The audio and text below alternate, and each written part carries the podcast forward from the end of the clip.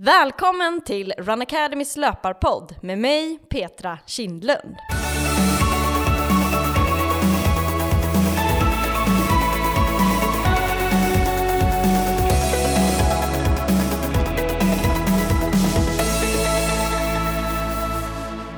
Det här är podden för dig som gillar löpning och i dagens avsnitt ska vi fokusera på hur man kan förebygga skador och vad man ska göra om man blir skadad. Till min hjälp har jag Erik Askan som är fysioterapeut hos vår samarbetspartner på Campro och även ledare i vår löpargrupp i Bromma. Han är även en riktigt duktig löpare och sprang nu senast maran på 2.42. Hej Erik och välkommen! Hej Petra, tack så jättemycket. Ja.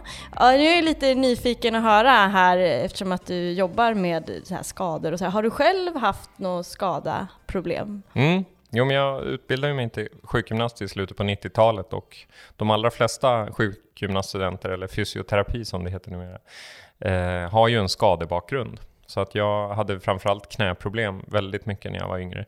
Eh, då löptränade jag inte mer än som straff kanske på någon fotbollsträning eller hockeyträning. Eh, men hade väldiga problem med, med knäna då. Eh, så att, ja, skador har man ju haft. Men vad var det som gjorde att, att du blev av med problemen med knäna? Um, det handlade för mig framförallt om en, en ordentlig viktnedgång. Uh, nästan 20 kilo. Wow! Ner. Uh, och det var i samband då med när jag började springa. Och det gjorde jag efter eh, sjukgymnastutbildningen, 2002 ungefär. Så hade jag gått upp ja, nästan 20 kilo under, under utbildningen. Eh, tränade inte, utan jobbade på krogen, käkade mycket dålig mat på nätterna och sådär. Eh, och sen så tänkte jag, vad är det mest lättillgängliga? Jo, men det bör ju vara löpning. Eh, och jag minns min första löprunda som var i februari den var 2,5 kilometer lång och tog ungefär 18 minuter. Jag minns både tunnelseende och blodsmak. Så att en viss utveckling har ändå skett sedan dess tycker jag. Alltså vad imponerande!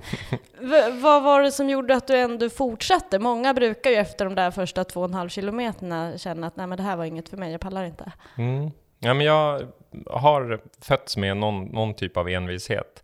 Plus att jag ganska tidigt märkte att jag tyckte att det var kul. Fast det var väldigt, väldigt jobbigt.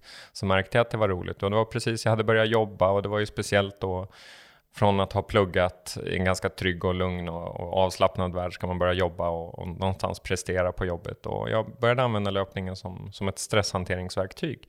Och det funkade väldigt bra för mig, eh, som det gör för många andra också. Eh, och det var därför mycket jag fortsatte också. Och sen egentligen efter ett, ett halvår i oktober så, så sprang jag mitt första lopp. Det var Hässelbyloppet. Och då gick det rätt bra och då tänkte jag jäklars, det här vill jag fortsätta med. Så fantastiskt. Ja. Och löpningen, gjorde den också att du gick ner i vikt? Då? Ja, precis. Jag var lite yngre då, så det var ganska snabba resultat på, på viktnedgången. Eh, men jag kombinerade det också med att tänka lite mer på vad jag åt och sådär. Så att... Oftast kommer det automatiskt av att man börjar träna, att man också tänker lite mer på vad man äter. Ja, jo men det blev lite så. Plus att, att när, när det blev lite längre distanser och så, då, då behövde man inte kanske bry sig lika mycket om, om vad man stoppar i sig, men ändå, det blev en, en bättre struktur på det. I all, alla fall åt jag inte mitt huvudmål klockan tre på natten efter ett jobb, jobbpass på krogen, liksom, utan det var mer frukost, lunch, middag. Ja. Ja, vilken fantastisk utveckling som du har gjort. Och eh, idag så eh, jobbar du som eh, fysioterapeut på Campro. Vad är det mm. ni gör på Campro? Kan du berätta lite vad ni gör? Campro består egentligen av två delar. Ehm, den delen som jag framförallt jobbar med, det är en, en hjälpmedelsdel. Där vi träffar patienter som av olika skäl behöver någon typ av, av hjälpmedel som sitter utanpå kroppen. Det kan vara skoinlägg, det kan vara knäortoser, handortoser, ehm, det kan vara proteser rent av Eh, personer som har blivit amputerade eller har fötts utan någon kroppsdel. Och sen så har vi ju den andra delen eh, där vi också befinner oss idag, vår idrottsskadeklinik och butik vid Hornstull. Eh, där vi har fysioterapeut, eh, kiropraktor, naprapat och ortopedtekniker som jobbar primärt med, med skoinlägg. Då. Eh, där vi tar emot väldigt mycket patienter, eh, väldigt, väldigt mycket löpare skulle jag säga. Och ja, har, har kunnat bygga upp den här kliniken eh, lugnt och försiktigt utifrån ehm, det behov som finns, eh, framförallt hos löpare. Och det, det tycker jag är väldigt kul och det, det ligger mig varmt om hjärtat. Mm, vad roligt. Och vi utgår ju också från den här butiken som vi är i nu, här vid Campro i Hornstull, så har vi också en löpargrupp som utgår härifrån. Stämmer. Så det är väldigt eh, fint samarbete som vi har med er. Mm. Väldigt kul. Um, jag tänkte höra lite så här, det är, när man får problem så är det ju oftast man har, det finns så många olika varianter. Det finns naprapater, kiropraktorer, det finns fysioterapeut, det finns eh, allt möjligt. Vad, när, vem, vad är det för skillnad på alla de här? Mm. Det är ju the million dollar question e-, egentligen. um, det är en fråga vi ofta får. Vad är det mm. för skillnad? Vem är bäst? När ska jag träffa vem? Um, och jag brukar säga att man ska, man ska träffa någon som ett är specialiserad på den typen av idrott man håller på med och kanske den typen av besvär man har. Så att jag tycker att man som, som patient eh, behöver ställa lite frågor ibland. Och det kan ju också vara svårt, för att det kan ju vara många som slår sig för bröstet och säger att man är expert. Men all forskning på området visar ju att den bästa behandling det får man av någon man känner förtroende för. Det är en oerhört viktig komponent när man, när man ska få behandling för en skada eh, och rehabilitera sig efter en skada. Eh, och med det sagt, just att göra slut med sin terapeut är helt okej. Okay. Vissa tycker att det är lite jobbigt. Eh, men, men att det går inte att säga rakt av att naprapat, kiropraktor eller fysioterapeut är, är bättre. Eh, det finns lite mer forskning på fysioterapi. Men, men vad det gäller behandlingsresultat för löpare då, eftersom det är det vi primärt pratar om, så går det inte att säga det mm. ena eller andra. Och många naprapater, naprapati i sig utgår ju från mjukdelar eh, som man i, i vetenskapen så att säga, medan kiropraktik utgår mer från lederna. Men många idag jobbar ju väldigt allround, så det går inte att säga det, eh, dra det över en kam heller. Eh, och därför tycker jag också vi är jättekul att ha alla tre här på plats, för då blir det ju kanske både personkemi och specialisering som avgör vem man hänvisar till. För då kan man ju hänvisa internt också och det, det tycker vi är kul. Och vi har även en, en läkare här, en ortoped, eh, en dag i veckan. Så det är också ett, ett mervärde, eh, både för oss och patienterna förhoppningsvis. Hur vanligt skulle du säga att det är med skador bland löpare? Jag skulle säga att det är väldigt vanligt. Eh, det finns ju när man kollar undersökningar så är det ju upp till 40 procent av, av löpare som springer regelbundet som har någon typ av skada under ett år. Eh, och sen graden av skada är ju naturligtvis olika allvarlig, men oftast är det ju någon typ av överbelastning man, man råkar ut för. Just det, vad är det, vad är, vad är vanligaste överbelastningsskadorna? Eller vad är en överbelastningsskada? Vi kanske ska börja där. Ja, det är väl att, att man, man har trappat upp träningen lite för snabbt. Eh, antingen efter efter det att man har haft ett uppehåll, om man har varit sjuk eller kanske skadad tidigare eller så. Eh, när, man, när man ökar liksom träningsvolymen lite för hastigt, då reagerar, eftersom löpning är så pass repetitivt, eh, så är det lätt att, att leder och muskler och senor kan bli irriterade av det. Eh, och det, det, ser man väldigt mycket hos, hos löpare. Man brukar säga lite slarvigt att man ska öka med max 10% i veckan. Och om man då pratar tid eller kilometer eller så, det spelar mindre roll. Eh, men många vill, vill öka på och kanske ta igen för förlorad tid eller liknande och då är det lätt att, att kroppen protesterar lite grann. Ja, det där känner jag också verkligen igen mig i, speciellt efter en sjukdom då man snabbt vill komma tillbaka och gärna ta igen eh, träningen man har förlorat. Att det är väldigt lätt att man då kör på lite för hårt, eh, för snabbt. Och det har jag också gjort några gånger och så har man fått någon känning och så har man fått gå tillbaka. Mm. Eh, så det är ju väldigt, och också om man har haft en viloperiod eller man har haft sådär, att man, då är det ju väldigt lätt att man kör på för hårt. Mm. En annan vanlig anledning det är att man kanske har någon typ av felställning i kroppen. Man kanske har ett roterat bäcken eller så. Och det, det är inte så ofta det liksom är medfött, utan det kan vara att muskler drar lite ojämnt, att man har en muskulär obalans som i sin tur drar i strukturer som ökar risken för att, att uh, dra på sig en skada. Att man har helt enkelt någon typ av obalans i kroppen. Det. Uh, och det där, det är ju nästan ingen som, det där känner man ju inte själv. Utan, utan det märker man först när, när det börjar göra ont. Uh, och därför någonting som, som har blivit mer och mer populärt, det är ju att, att prata om prehab. Det vill säga att titta på, på kroppen innan den blir skadad. Titta om det finns några obalanser. Och så. Lite som att ja, slarvig jämförelse, men, men som att besiktiga bilen. Just är det, det. någonting här som kan bli en skada längre fram? Eh, för att många personer vill ju utvecklas i, i sin träning, oavsett om det är löpning eller annan idrott. Och då att, att också gå till någon som kan göra en liten besiktning av en och se om, om det finns, eh, finns några obalanser som i sin tur på sikt kan leda till skada. det Just kan, det. kan ju vara värt att lägga lite extra energi på, på det då i så fall. Just det. Och hur funkar en besiktning hos er? Hos oss funkar det att, att vi, gör, ehm, vi utgår ifrån ett, ett screeningverktyg som används mycket på Bosön, eh, som heter 9 plus. Eh, och det, då kollar man igenom kroppen eh, och försöker identifiera obalanser. Och så har vi åtgärdsförslag utifrån det, helt enkelt.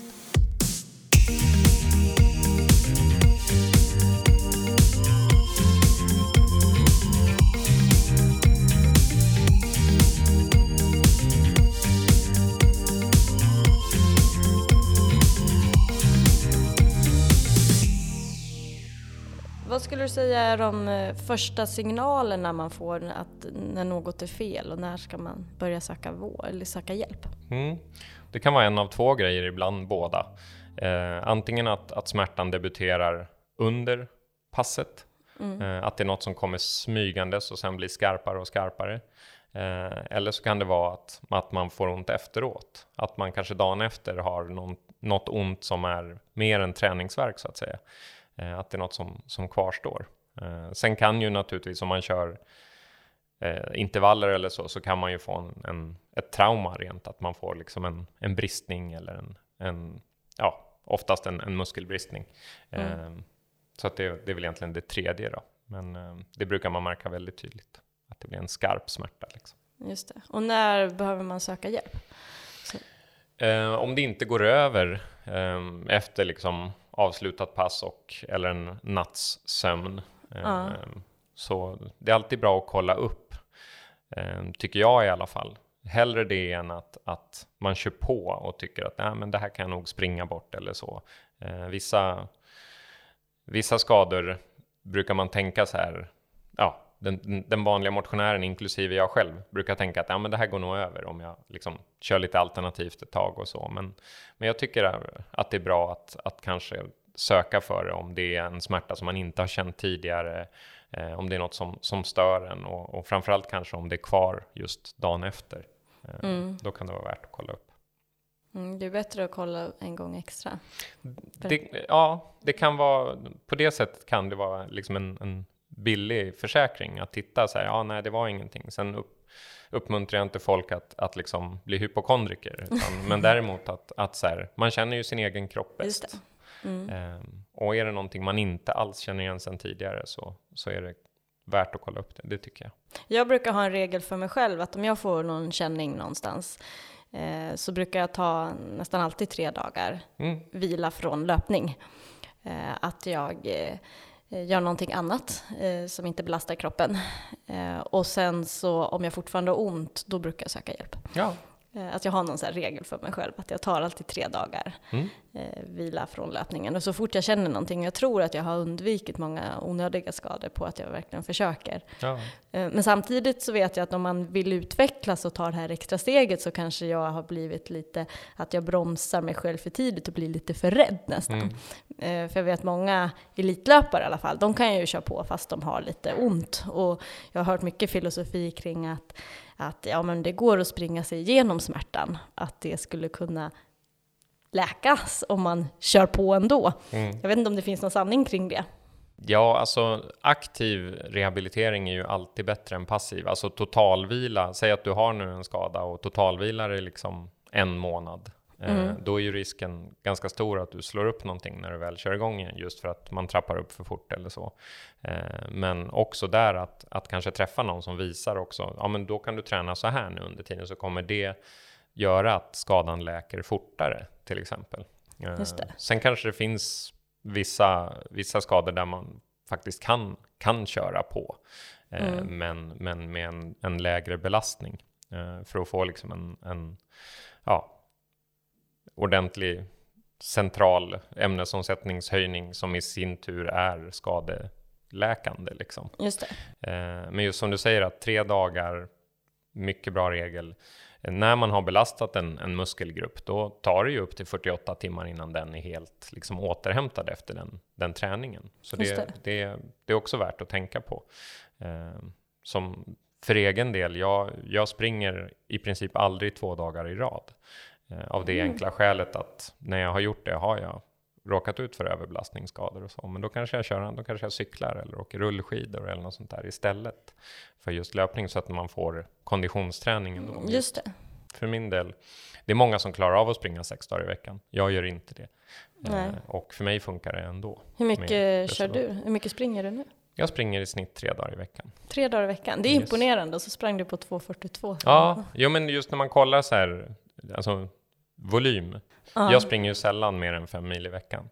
Uh. Eh, och många av dem som, som har ungefär motsvarande resultat som jag har på morgonen, de springer ju ofta närmare 10 mil i veckan. Eh, så att antingen har jag haft, haft tur med generna eller så, så har jag hittat ett koncept som funkar. Just det. Men då kör du mycket annan typ av träning också? Ja, jag, cyk jag cykelpendlar ju året om till mm. exempel. Så det, det ger ju en hel del. Eh, och sen på vintern gillar jag att köra skidor och på sommaren kör jag mycket rullskidor. Liksom. Så det, då får man ju konditionen i alla fall. Just det. Så att rent, jag, jag är nog aktiv sex dagar i veckan, det ska jag säga. Just det. Kör du mycket styrka också? Jag kör alldeles för lite styrka. det, det är också så här klassisk fysioterapeutgrej att man, man, man är lite skomakarens barn där. Att eh, jag borde köra mer styrketräning, men jag gör inte det för att jag tycker att det är ganska tråkigt. Men jag, jag, vet hur jag borde göra. Eh, hur viktigt är styrketräning för löpare annars? Ja, men det är ju viktigt. Det är det som blir lite ironiskt i allt det här.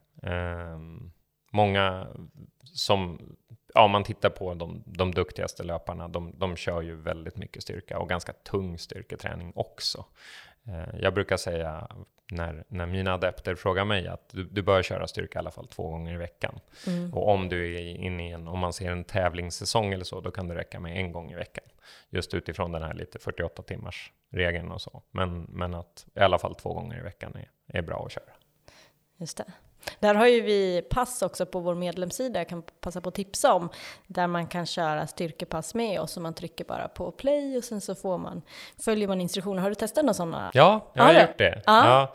Nej, men just när jag blev ledare, då, då såg jag till att liksom verkligen förkovra mig i, i hemsidan och jag har försökt fortsätta göra det för att kunna också tipsa, tipsa våra våra härliga adepter i grupperna att ja, men den, testa den här och så. Det, det, är mycket roligare att hänvisa till det än att hänvisa till, till Youtube. Liksom. Ja.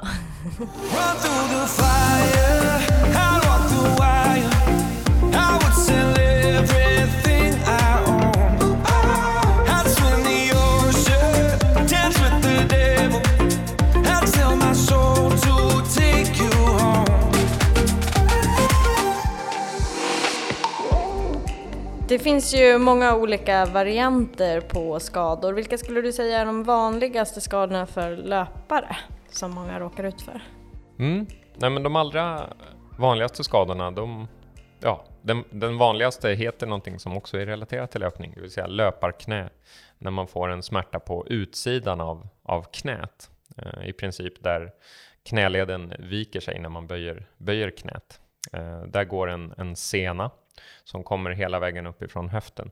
Eh, och när man har muskeln uppe vid höften som leder ut i senan, när den är lite kort, då är det lätt att den här senan blir stram och då så blir det en friktion mot utsidan av knät och då skapas den här smärtan som, som är löparknä. Då.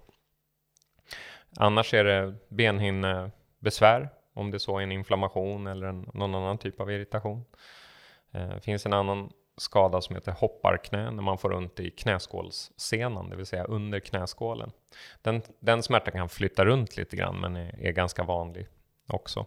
Eh, problem med hälsenor, olika typer av höft, bäcken, smärtor, baksida lår. Eh, ja, typ, mm. typ där då. Typ där.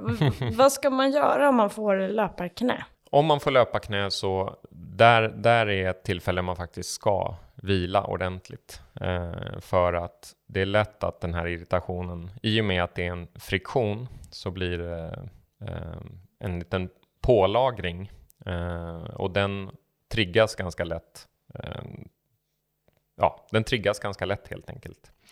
Och då bör man se till att stretcha upp den här muskeln uppe vid, vid höften ordentligt. Eh, för att senan i sig kan man ju inte stretcha, utan då får man stretcha den där muskeln istället. Då. Eh, och i sin tur så blir det mindre spänt i, i senan. Ehm, och det gör man ju enklast genom att göra olika typer av stretch som, som har sätet som eh, punktmarkering. Ehm, men det, man kan kolla på stretching för löparknä så kan man hitta bra övningar. Just det. Och eh, hälsenor, vad gör man då? Det beror lite på vad, vad besvären eh, kommer sig av. Hälseneproblematik kan ju bero på en mängd olika saker. Eh, ofta är det någon typ av besvär med, med vaderna, att man är tajt i vaderna.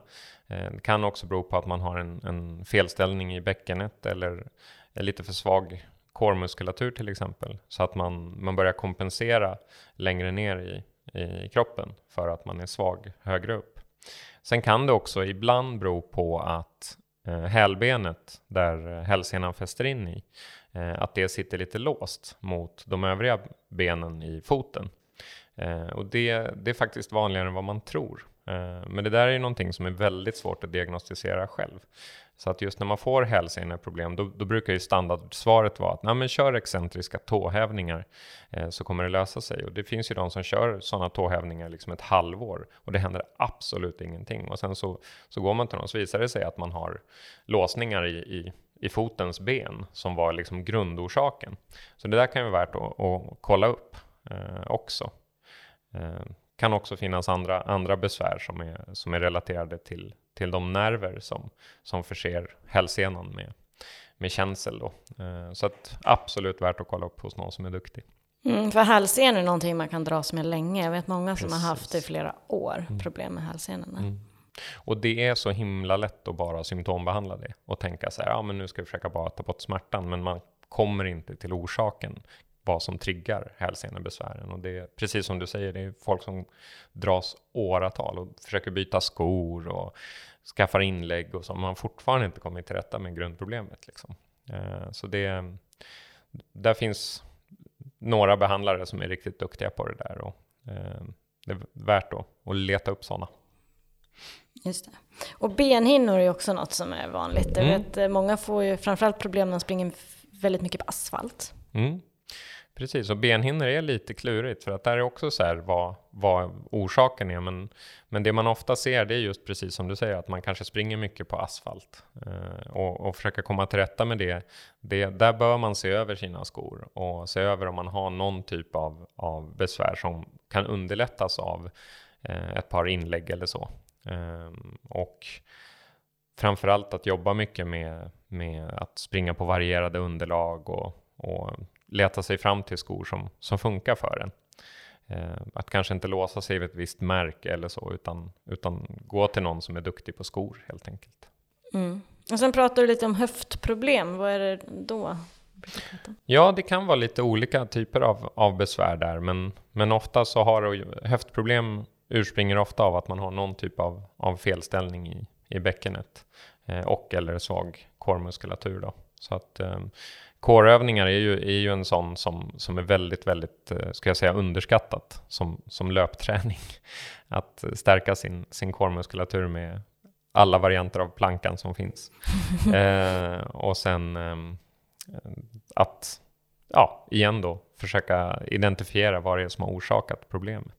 Du nämnde också baksida lår. Vad, mm. vad, vad händer där? Vad blir det? Ja, vissa får ju besvär Um, som inte liksom är för att man får en bristning utan, utan är mer långvariga. Uh, och där är det egentligen likadant, titta upp vad det är som har orsakat det. Sen kan det ju vara så att man, man faktiskt drar på sig en, en muskelbristning under, ofta när man kör intervaller uh, så uppstår det, jag ska inte säga att det uppstår ofta när man gör intervaller, men uh, skadan uppstår oftast när man kör intervaller. Um, och då, då blir det som en skarp smärta som, som kan eh, sprida sig lite grann i, i baksida lår och då är det oftast att man har, har fått en liten, liten bristning eh, i hamstrings. Den kan vara olika stor naturligtvis. Men då, då, behöver man ju avbryta aktiviteten direkt och jobba egentligen som man har stukat en fot, att, att högläge, eh, tryck, eh, och att ta det väldigt lugnt några dagar, men att liksom fortfarande röra på sig för att, att bli helt stillasittande eller stillaliggande när man har dragit på sig en bristning, det kommer bara göra att är, det blir mer ärrvävnad och att skadan tar längre och och rehabiliteras. Men igen där att, att gå till någon som är riktigt duktig på det, eh, på ja, muskelbristningar. Då. Vad bra. Vad skulle du säga är vanligaste misstaget som många gör när de börjar få någon skada?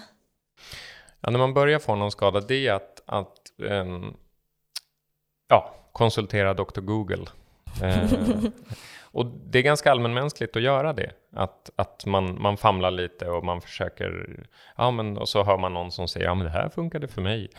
Uh, och vi är ju unika som individer, uh, även anatomiskt. Um, så att kolla på, på källor som, som är kvalitetssäkrade. Liksom. Tråkigt, men så här 1177 och mm. eh, så.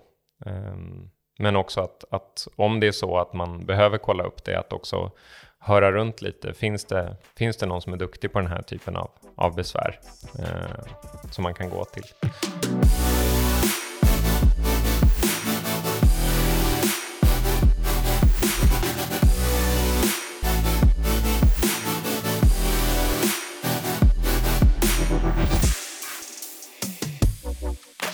Man pratar om själva rehabiliteringen så funderar jag lite på hur viktigt det är att man faktiskt fortfarande är i rörelse. För att jag eh, själv hade problem med ett knä mm. Eh, och gick till en naprapat som sa till mig att nu måste det här få läka ordentligt och du ska vara helt still. Liksom från, du ska inte röra dina ben överhuvudtaget. Mm. Mm. Och jag lyssnade på honom och under kanske två månaders tid så körde jag mer eller mindre bara överkroppsträning. Och, men de här benen blev liksom inte bättre. Och sen så gick jag till en läkare och han kollade på, på benet och bara, äh, men det här var ju ingenting, ut och spring med det så kan du se att det blev bra. Eh, och då gjorde jag det, att jag bara, okej, okay, men jag testar väl. Och sen gjorde det lite ont, men sen så bara försvann det.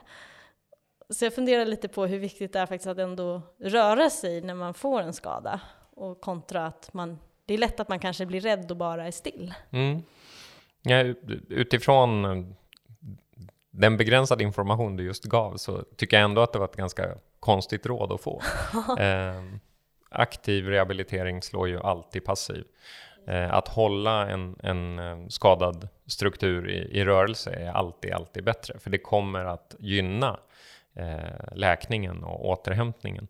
Eh, men om det är liksom en, en, repetitiv belastning som har lett fram till ett, ett problem, eh, då, bör man träna alternativt, men att ändå använda liksom, den, den skadade leden eller muskeln eller så.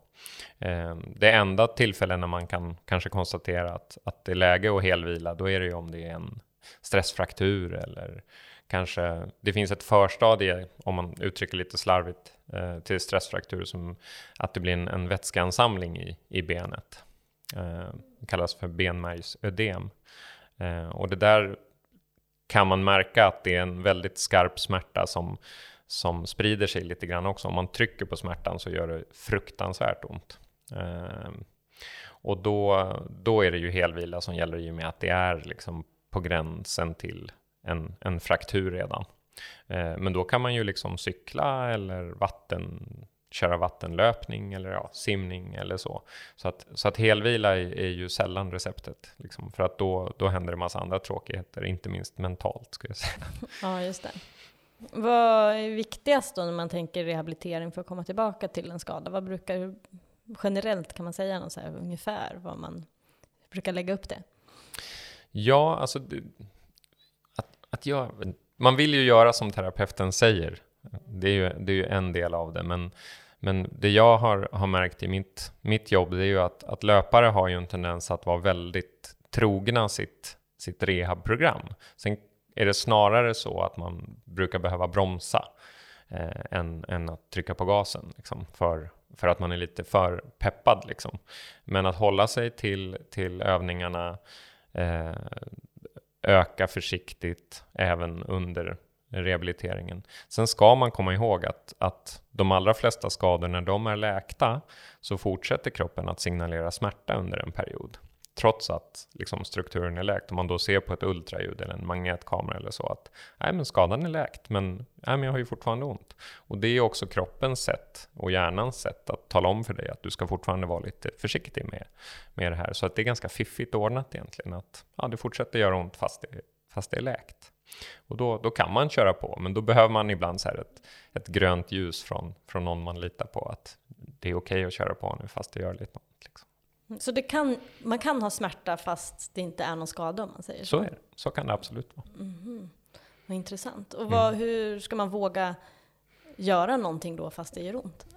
Då är det ofta att få kanske det här gröna ljuset från, från den här terapeuten som man går hos oavsett om det är en naprapatkiropraktor eller eller fysioterapeut. Att nu, nu får du köra på liksom. Och sen mm. kan man ju få ett bakslag. Eh, snabb upptrappning eller liknande. Och då får man backa lite grann igen. Och, eh, det finns ju sådana här upptrappningsprogram eh, tillgängligt på nätet. Hur man ska, ska tänka när man återvänder från en skada. Men det där är alltid bra att stämma av med, med den man går hos också. Att, eh, I vilken takt man ska trappa upp. Jag vet, jag hade själv eh, hopparknä 2013. Eh, och då var ju mina första löppass, det var fem minuter tre gånger i veckan. Just det. Och sen var det tio minuter tre gånger i veckan. Och eh, det var ju inte så kul. Men, men jag tänkte att jag vill, jag vill kunna springa i många år eh, framåt. Och då blev det liksom vattenlöpning och sånt där som var det var ungefär lika roligt som att se färg torka, men jag tror ändå att man har igen det där. Eh, i, i slutändan att man bygger upp en, en, en ny plattform för kroppen att, att vara stark och skadefri i många år just framöver. Det, just det. Men det är väl jätteviktigt när man ska komma tillbaka efter en skada att man ökar löpningen väldigt successivt och inte bara, men nu är det bra, nu kör jag mm. en timme pang på. Nej men exakt, och jag gick hos en, en behandlare då som, för då, då skulle jag springa London Marathon eh, var tanken, men, men jag insåg ganska fort att tidslinjen för att hinna det funkar inte med den skada jag har. Och till slut så sa ju han att, vet du vad, jag, jag har hört rykten om att London Marathon kommer anordnas nästa år också. Och det var inget kul att höra, men det var ju ändå sant. Liksom. Mm. Eh, så ibland får man nästan tänka så att, att ja, det här loppet har jag sett jättemycket fram emot. Men det är inte så att det saknas lopp. Liksom. Det är ju finns lopp varenda helg överallt i hela Just Sverige det. och hela Europa och hela världen. Eh, så att det är supertråkigt att behöva ställa in men, men ändå många gånger är det värt det. Ja, det är mycket viktigare att kunna springa sen resten av livet. Ja, så är det att man tar risker och så kanske man inte kan springa sen på flera år. Nej, men exakt.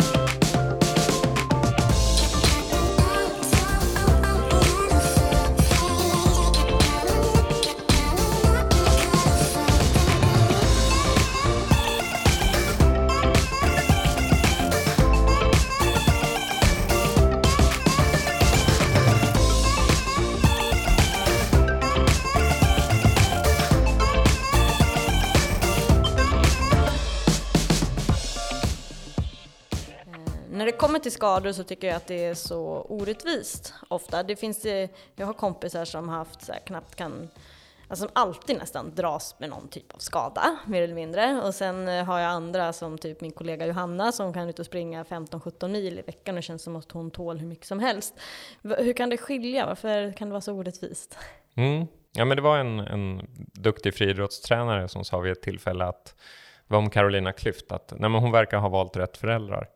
Eh, och det stämmer ju till stor del att, att har man rätt liksom, biomekaniska förutsättningar, alltså hur, hur de olika benen i kroppen sitter ihop med varandra, eh, så kan man tåla en högre belastning. Eh, det kan också vara så att, att man, eh, man i grunden av, av de gener man har fått också tål en högre belastning. Men ofta är det att, att man har ett extremt ekonomiskt löpsteg från, från början som gör att man, man tål de här belastningarna. Jag gör inte det. Eh, och har fått välja andra vägar eh, för att, att kunna prestera. Eh, men jag har ju, jag har ju kompisar också som, som ligger på 15-17 mil i veckan och, och klarar det. och det, hatten av. Men kan det också ha med att göra hur duktig man själv är att lyssna av sin kropp, tänker jag också. Att, vi, att om man är duktig på att så fort man får känning att man kanske går och kollar upp det på en gång medan andra kanske tänker att ja, det, det kanske inte gör något, jag kan fortsätta springa ett tag till. Mm. Jo, men det, om man har så hög volym per vecka som vi säger nu 15-17 mil, då kommer man ha ont. Eh, mer eller mindre i alla fall, mm. för att belastningen är så hög.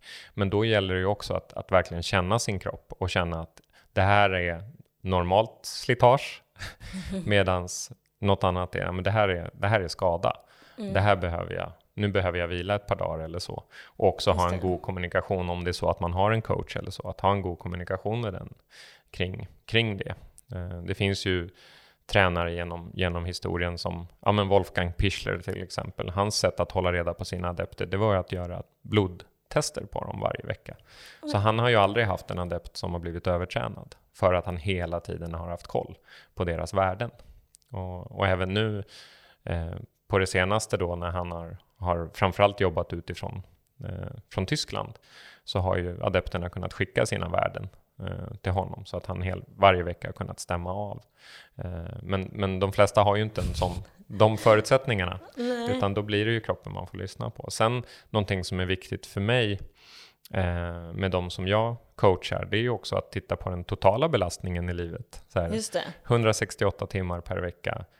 Får du liksom den återhämtning du behöver? Har du extremt mycket på jobbet eller något sånt där? Att då kan det också vara en komponent Som, som är viktig för att, att dosera träningen. Att om, om livet i övrigt är kaos och man bara försöker träna sig ur det så kan det slå bakut också. Mm. Men det, det är ju en, liksom en mjukare komponent än blodvärden. Men då igen att, att ha en bra dialog med, med om man nu har en, en tränare eller, eller någon som förser en med träningsprogram. Eh, jag tänker också sömn, kost, alla de mm. bitarna påverkar ju också. Ja, jo, men jag jobbade tidigare med personer med utmattningssyndrom och man har ju kunnat konstatera i forskningen att en person som har god sömn, alltså får tillräckligt med sömn, kan inte få utmattningssyndrom. Det är omöjligt. Eh, sömn är ju den överlägset bästa återhämtning som finns. Eh, det är också att beröva folk sömnen är världens mest väldokumenterade tortyrmetod. Så att det vet man själv, om man sover dåligt en, en period Eh, då är man inte riktigt sig själv. Alltså. Nej, det vet jag som småbarnsförälder ja, hur det exakt. kan vara. jag, jag, är imponerad över många småbarnsföräldrar, att de ens, ens fungerar i vardagen. Men där har man ju också sett när man har studerat småbarnsföräldrar, att när, när man väl sover så sover man väldigt effektivt. Mm. Man går väldigt fort in i den mest återhämtande sömnfasen. Liksom. Annars hade man inte överlevt. Nej. Ehm, jag funderar också på, det är många som använder när man blir skadad, så olika antiinflammatoriska läkemedel som Voltaren och Ipren och så finns det många andra varianter. Ehm, hur tänker du kring det? Är det bra eller ska man undvika det? Eller hur ska man tänka där? Ja, det kan man koppla delvis till sömnen. Eh, för att om det är så att man har så ont av en skada att man att sömnen blir lidande, då mm. tycker jag absolut att man kan ta smärtstillande inför natten. Mm. Eh, däremot, det man gör när man tar ett antiinflammatoriskt preparat, eh, jag vill vara tydlig med att jag är inte läkare, jag är fysioterapeut. Eh, det man gör det är att man, man ju hämmar kroppens eh, smärtsignaler. Eh, så att då kan det ju vara så att man kör på med en skada som man inte borde göra för att nej men det gör ju inte sånt. Ja, för jag har ju liksom hämmat signalen. Sen ser man ju också på många av de antiinflammatoriska preparaten att de, de hämmar också kroppens tillverkning av, av eh, ja, vissa ämnen som är gynnsamma för att läka. Eh, så att man på sätt och vis, nu uttrycker jag lite slarvigt, men att man hämmar kroppens eget antiinflammatoriska system som är starkare i grunden än vad alla antiinflammatoriska mediciner är. Så att min, min grundinställning till eh, antiinflammatoriskt är du ska ta det om du har så ont så att du inte kan få ordentlig återhämtning. Eh, men att snarare eh, vänta ut eh, liksom kroppens eget otroligt raffinerade antiinflammatoriska system. Eh, snarare än att börja bomba på med diklofenak det första man gör när, när man får lite ont. För det är väldigt många idrottare som, som äter just antiinflammatorier som, som godis i princip. Mm. Eh, och det, det har man sett eh, i forskningen att det, ja, det har väldigt många negativa konsekvenser. Framförallt för, för längden av karriär men också att det blir en väldig belastning på mag-tarmkanal och njurar och annat. som, som inte är ovidkommande tycker jag. Mm. Ja, jag brukar själv försöka vara så försiktig som möjligt med sådana typer av läkemedel. Eh, men eh, om, om jag äter det så brukar jag se till att jag inte får springa under den perioden för att man inte känner om man har ont. Nej. Så då är det lätt att man kör på ändå. Mm. Mm. Och det är oftast, tycker jag, när man pratar med, med ja, löpadepter och eh, ja, patienter också, eh, att det, det är oftast den enklaste förklaringen. Att ja, men då, då tar du ju bort smärtsignalen. Eh, att när min, min inställning till smärta är att, att det är just kroppens sätt att försöka berätta någonting för dig. Men det är ju mm. inte alltid att man kan, kan tolka vad det är den försöker säga. Eh, det är därför det finns ja, men fysioterapeuter, naprapater, kiropraktorer och läkare som, som kan hjälpa en att tolka eh, smärtan. Just det. det är bra. Mm.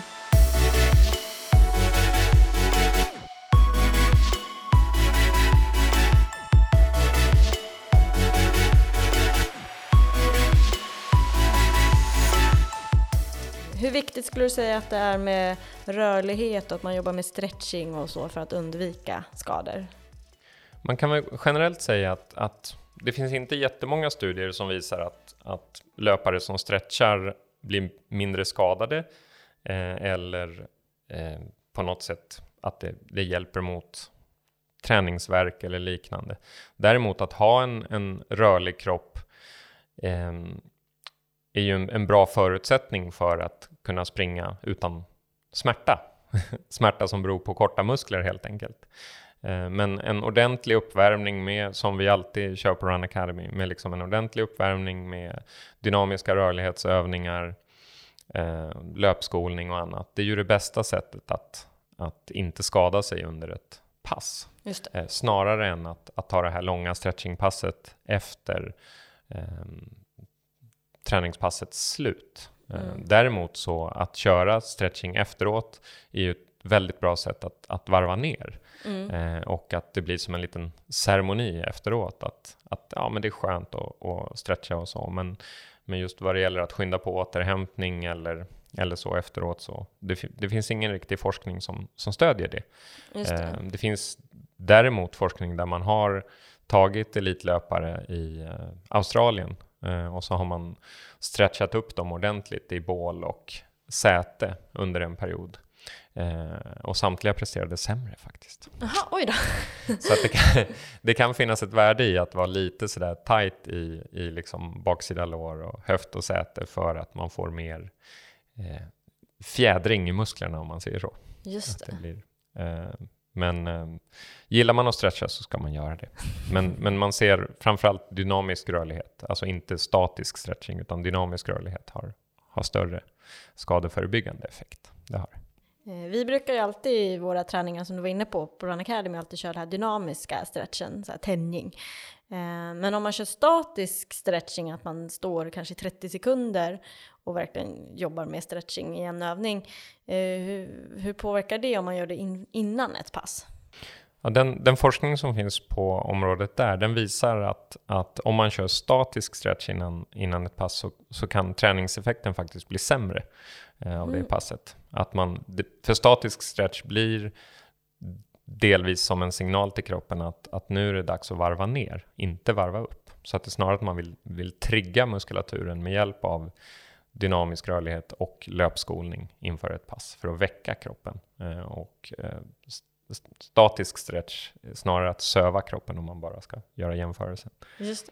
Så det kan vara bra att göra kanske lite statisk stress när man, eller när man är lite stressad och bara vill varva ner lite i vardagen. Absolut. kan man lägga in lite stretching där. Mm. Mm. Och det finns ju resebyråer som, som anordnar löparresor också utöver Run Academy.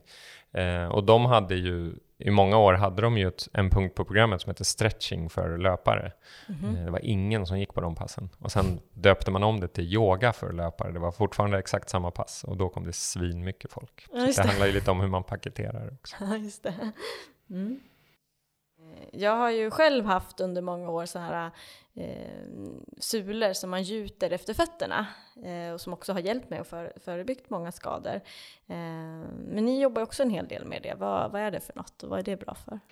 Ja, alltså vi, vi ser ju det som en del av, av rehabilitering också. Eh, Om det är så att man, det var en löparskada jag inte pratade om, eh, men plantarfascit som ibland kallas, kallas hälsporre. Ehm, det är ju typexempel på en skada som faktiskt läker snabbare om man skaffar sig ett par formgjutna inlägg.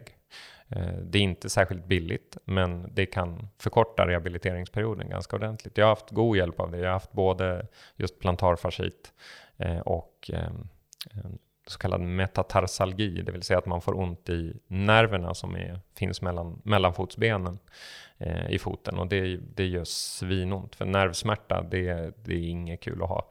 Eh, och då, då kan man också hjälp, avhjälpa det med hjälp av, av sulor. Men sen när skadan är läkt eh, och man kanske kör lite extra fotstyrka, det finns massa bra övningar för det också, eh, då behöver man ju inte de där längre. Eh, och sen om man får en känning igen kan man slänga in sulorna, köra med dem ett tag. Eh, men det är inte meningen att om man gör ett par formgjutna inlägg att man ska ha dem resten av livet. Det är många som, som tyvärr tror det. Eh, men då behöver man ibland gå upp i storlek i skor och sådär, det kan vara knöligt. Men, men det viktigaste är att man, man får hjälp med, med den typen av fotbesvär eller hälsenebesvär man har. Och då kan sulor vara ett, en del på vägen. Ja, just det. Så det, man behöver inte ha det så mycket förebyggande då? Nej, det, det behöver man. Det finns ju så prefabricerade eh, färdiga inlägg och de, de kan man ha eh, om man tycker att man får en, en stöttning av dem. Mm. Men om det är rent av att man, man får en skada, då bör man ha sådana som är utformade efter en själv. Just det. Eh, varje fot är unik.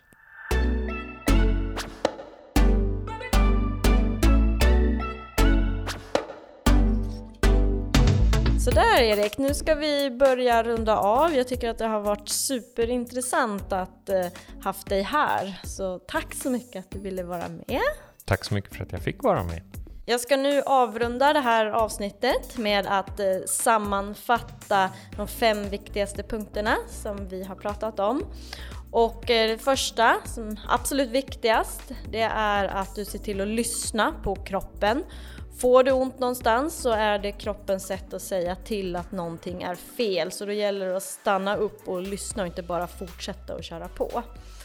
Eh, sen nummer två, att du också ska våga söka hjälp i tid. Det är lätt att man tänker att ja men det där blir bra sen, jag vilar lite. Eh, men sen så blir det bara värre och sen så kan skadan bli mycket värre och ta längre tid om du väntar för länge med att söka hjälp. Så se till att söka hjälp i tid, gärna på en gång när du får en känning.